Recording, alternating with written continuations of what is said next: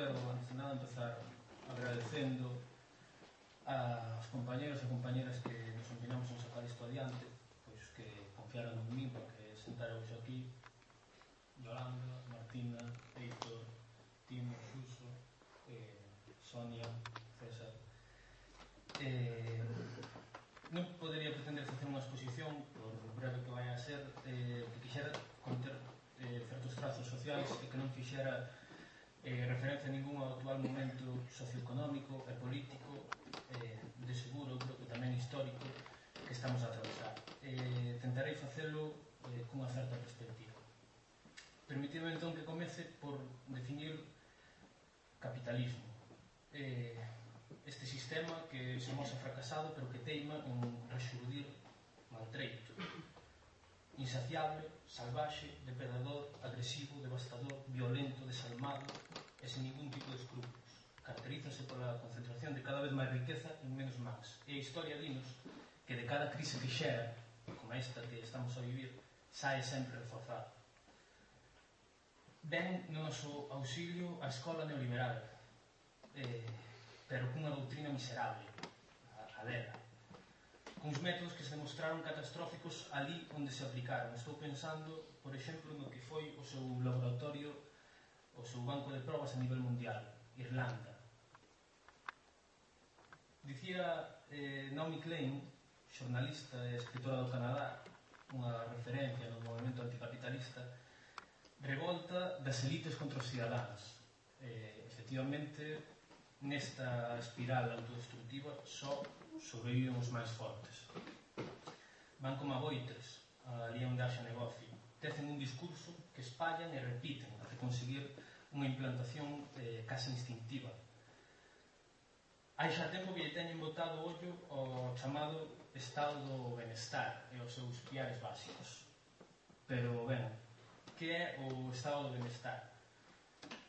Boto man da definición do profesor Vicente Navarro, eh, economista e politólogo catalán de reconhecida sombra son aquelas intervencións do Estado, ben sexa central, ben sexa o autonómico, ben sexa o local, que teñen maior impacto en deseñar a calidade de vida da ciudadanía.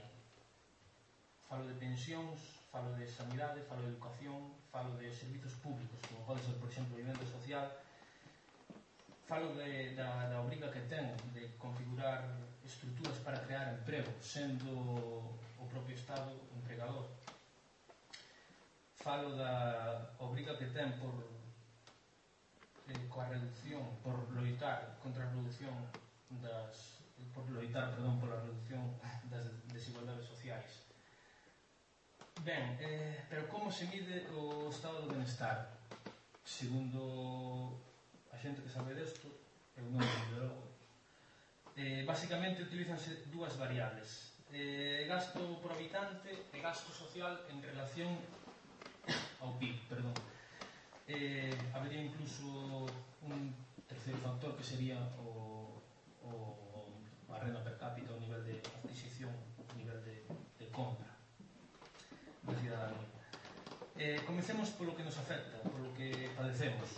Hai un feixe de indicadores que nos din que o Estado español está a cola en investimento é o de menor porcentaxe de poboación adulta traballando no estado do benestar é o de menor gasto público en protección social con relación ao PIB. O déficit en gasto social con respecto á Unión Europea dos 15 eh, aumenta continuamente desde 1993. Eh, toca teito alo por 2001. A converxencia económica con Europa, o esforzo que se fai para entrar no euro, faise a costa das políticas sociais do estado do bienestar Eh, evito, como vedes, incluir cifras, porque podría, de seguro que nos aburriría con números ou porcentaxes. De todas maneiras, eh, eses datos son públicos, son accesibles, eh, calquera os pode comprobar. Así como tamén podría seguir falando de axudas á familia, de integración da muller no mercado laboral, de políticas de natalidade, de dependencia, etc. Todos os indicadores sitúan o Estado español a cola da Unión Europea dos 15. Isto claramente unha cuestión se ben histórica, certamente ideolóxica. A ditadura militar que durante 40 anos arrasou todos os povos do Estado eh, caracterizábase, entre outras, entre outras moitas cousas, por unha nula sensibilidade no, no aspecto social. Non? Pero que despois de morto Franco, a política estatal, a, a, sea do, fora do goberno que fora, pasaron uns cantos, avanzou moi tímidamente neste, neste eido. Non? A debilidade do sector público leva consigo conductas privadas moi agresivas e acaparadoras. Multinacionais, banca e investidores que non entenden de límites e que buscan entrar ali onde saben que vai haber lucro. O problema dos servizos públicos non é a súa ineficacia, como nos repiten insistentemente cada día.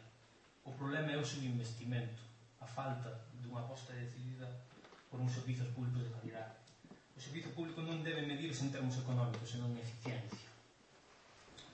Pero claro, todo isto as clases dirigentes descoñecen. Eles son usuarios de sanidade privada, de escola privada, teñen fondos de pensión de pensións privados. Como nos influi aos cidadáns a privatización de servizos e coberturas básicas? Non se precisa tampouco de números que apoien un simple, un simple razoamento, que é que ali onde entra o interese económico a atención e eficacia de Buñuel eh, pura lógica a, a, a lógica neste caso a, a redundancia é que pasa a primar a reducción de custes como en toda a empresa cando un servizo que debe ser prioritario se encomenda a unha entidade cuxo fin é o beneficio e cando, aínda por enriba, non se lle exixe prácticamente responsabilidades, a consecuencia é a degradación dese servizo. Sempre. A verdadeira tiranía é a daquelas multinacionais que teñen nas súas mans unha serie de prestacións básicas e as que o Estado non, lles, non só lles permite lucrarse por ofrecelos, senón que non lles exixe ningún mínimo de respecto polos usuarios, por nós neste caso. Compañías eléctricas, banca, telecomunicacións, aseguradoras, impunemente mófense dos nosos dereitos como consumidores, abusan sistemáticamente da indefensión do usuario e teñen instaurado unha chantaxe ao poder político que as converte nas verdadeiras señoras da terra, da alba e do vento deste século XXI. As súas tarifas estimadas, as súas cláusulas solo, os seus contratos de permanencia, a súa letra pequena. Isto é o neoliberalismo. Aquí as grandes fan o que queren os gobernos legislan para elas. O capitalismo é produción, é mercado, é consumo, é barbarie. E estou, estou a falar de gobernos, non de partidos, eh? porque iso de que aínda hai alternativas nestes parlamentos é algo que a máis de un e a máis de unha nos ten que demostrar, non só que contar. Se nos puxeramos a relatar a folla de privatizacións recentes, quizáis eu penso que sería errado diferenciar entre quen asasina, entre se son duns ou se son doutros. O pano de fondo é o poder económico que os liga. O cidadán José María Aznar, que supoño que todos nos sobra, na súa condición de presidente do goberno do Estado español, puxo en práctica unha política de privatizacións salvaxes sobre a que asentar a dopaxe económica que agora nos vende como seu grande fito. A costa da venda de telefónica, Endesa, Argentaria, Resolta, Bacalera ou Gas Natural, entre outras, deixanos datos tan significativos como o aumento, por un lado, dos beneficios empresariais dun 30% eh, o dos salarios por debaixo dun 3%. A reducción do poder adquisitivo da clase traballadora nun 4%, e iso si o aumento espectacular da sinistralidade, precariedade e temporalidade laboral. Velai as receitas do modelo neoliberal que ditan os máis prestixiosos organismos internacionais e que hoxendía en día están máis presentes que nunca. Por outra banda, sí que cos do enfrente, o goberno do PSOE os asume a sopa da letra. José Luis Rodríguez Zapatero, individuo que alá por 2005 pronunciaba nunha entrevista a lapidaria frase de los grandes avances en el mundo se han hecho defendiendo la causa de los dominados. Oxe é o executor das mesmas teses que o seu antecesor do cargo as recentes privatizacións da parte, de parte perdón, dos aeroportos e do organismo de lotarías deixan ben as claras quen está detrás das súas políticas e a que mestre segue.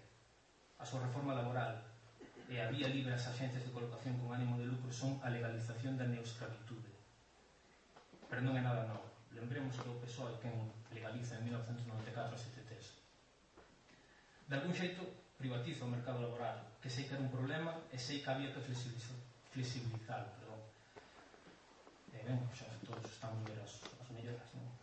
A reforma das pensións foi o golpe letal ao sistema público, o avance na súa degradación e a abertura do camiño cara a suposta necesidade de contratar fondos privados.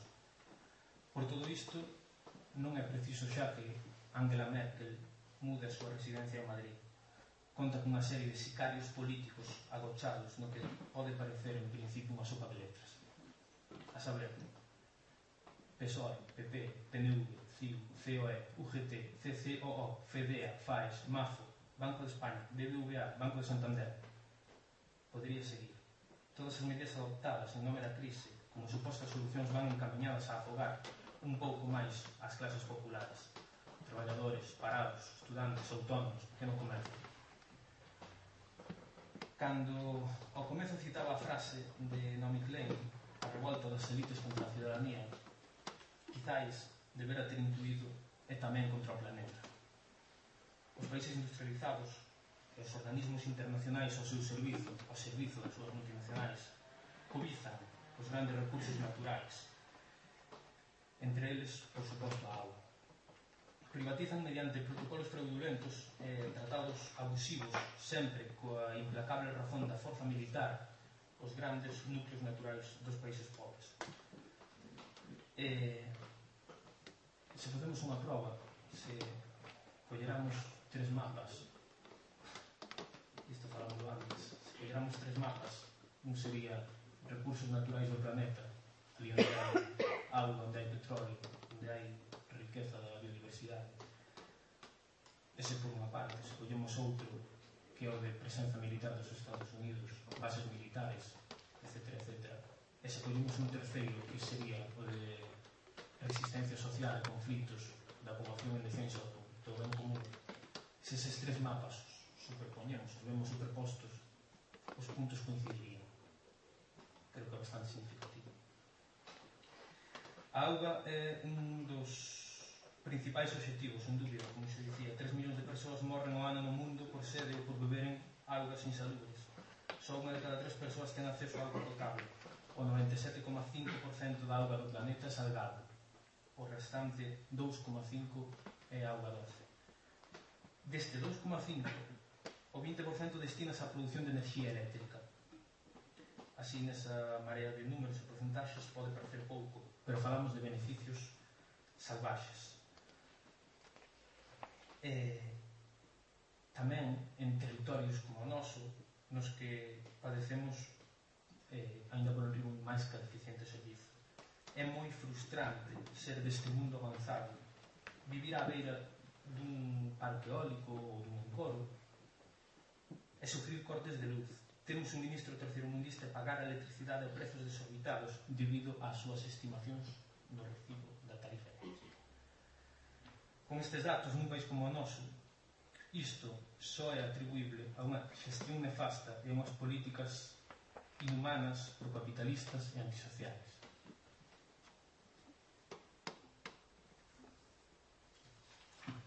non podía falar de recursos naturais, da sumisión do medio natural aos pés do capital, sen facer, por, por suposto, mención ao encordo húmedo. Váleme como exemplo de atropelos, en plural, contra a ciudadanía. Estamos a falar dun río que era virxe antes da construcción da presa de Baixa que foi levantado contra a vontade do povo a base de mentiras e falsos argumentos para a producción de enerxía eléctrica foi a certificación da grande mentira que é esta democracia, da grande mentira que é a separación de poderes. Porque non só pasaron por enriba dunha xustiza injusta, senón que esta sorriu cando, menos, cando menosprezaron perdón, as súas sentenzas. Este encoro, para os que descoñezades a historia, fíxose sin estudo de impacto ambiental e cunha declaración de utilidade pública que nunca foi tal, inventándose unha suposta urxencia nunhas apropiacións que foron simplemente roubos. Cheira, cheira mal, cheira ainda hoxe, cheira a prevaricación, a delito, a caciquismo medieval, cheira a fraga, cheira a franquismo, cheira a cuiña, fede a Agustín Hernández, a prepotencia do Partido Popular. Pero cheira tamén moito a traizón, a traizón dos alcaldes, do PSOE, de Caldas Cuntis Honorato a construcción do coro do Umbia foi un acto vandálico. Caso moi semellante ao de fervenza do Ézaro. En coro, sobre os xalles que mantén secuestrada a auga dende hai tamén dez anos para tamén o aproveitamento hidroeléctrico, violando tamén o caudal ecolóxico, tal que Umbia. É o único río de Europa que desemboca en cascada e constitúe un espectáculo impagable, de non ser polo rapto que Ferroatlántica xerce a diferenza entre un e outro é que a, recentemente ao fío dunha querela presentada ante a Fiscalía a propia Consellería de Medio Ambiente ven de recoñecer por primeira vez a súa actuación incorrecta e ilegal e a mosa intención de declarar nulo o permiso para, para tal explotación e incluso de aprobar un novo estudo de impacto ambiental. Ben é certo que hai que agardar porque a estas alturas acreditar en xentes desta caste podería cando menos resultar bastante iluso. Estamos a falar dun recurso natural, a auga que se converteu nun medio de producción e nun xerador de beneficios. Pouco importa a lei de bases de réxime local que no seu artigo 26 aclara que é competencia obrigatoria dos concellos servir auga potable aos veciños nas villas das súas casas. É curioso o despropósito que vivimos aquí, concretamente Gaiolado, en Caldas de Reis, onde en menos de tres meses houve cortes de alba por seca e por enchentas. Do podre da microcistina ás tubaxes rotas do mes pasado. Estamos a falar dun planeta no que seica as tres cuartas partes da, as, as súas tres cuartas partes son agua e no que 884 millóns de persoas non teñen acceso a ela en condicións de potabilidade. A ONU recoñeceuna como dereito básico aínda o ano pasado. Logo dunha campaña impulsada por Bolivia co seu presidente Evo Morales a cabeza, citábamoslo antes. Non é casualidade, se nalgún sitio saben do que é loitar por algo como ben común é ali. A infamia colectiva dunha humanidade decadente é a única responsable da inxente cantidade de mortes derivadas da carencia de agua potable. Mentre este recurso se utiliza para multiplicar beneficios mesmo por medio da guerra, se necesario. O norte divírtese nos seus campos de golf e nos seus balnearios. O sur morre de sede de enfermidades derivadas da contaminación da agua. Entre uns e outros estamos nós, que sei que somos occidentais, pero que vemos como as multinacionais aquí tamén violan espazos naturais, como executan o medio diante da nosa incredulidade. A auga e o vento teñen xa domicilio fiscal, O exemplo máis evidente é cotear desta democracia, desta justiza social e desta igualdade perante a lei é a estafa continuada que estamos sometidos, a que está sometida a cidadanía no recibo de servizos básicos por medio de entidades privadas. Porque precisamente este concepto de servizos básicos é algo que queren, que teiman en borrar da nosa memoria colectiva. O estado de benestar tal como coñecemos atopas en fase terminal. O poder político entrega o despezado estes chupasangres. Non importa se a propia saúde ou un riunteiro, non importa se estamos nun espazo natural protegido ou onde sexa, porque a to vento é deles, tamén a chuvia. Nada máis.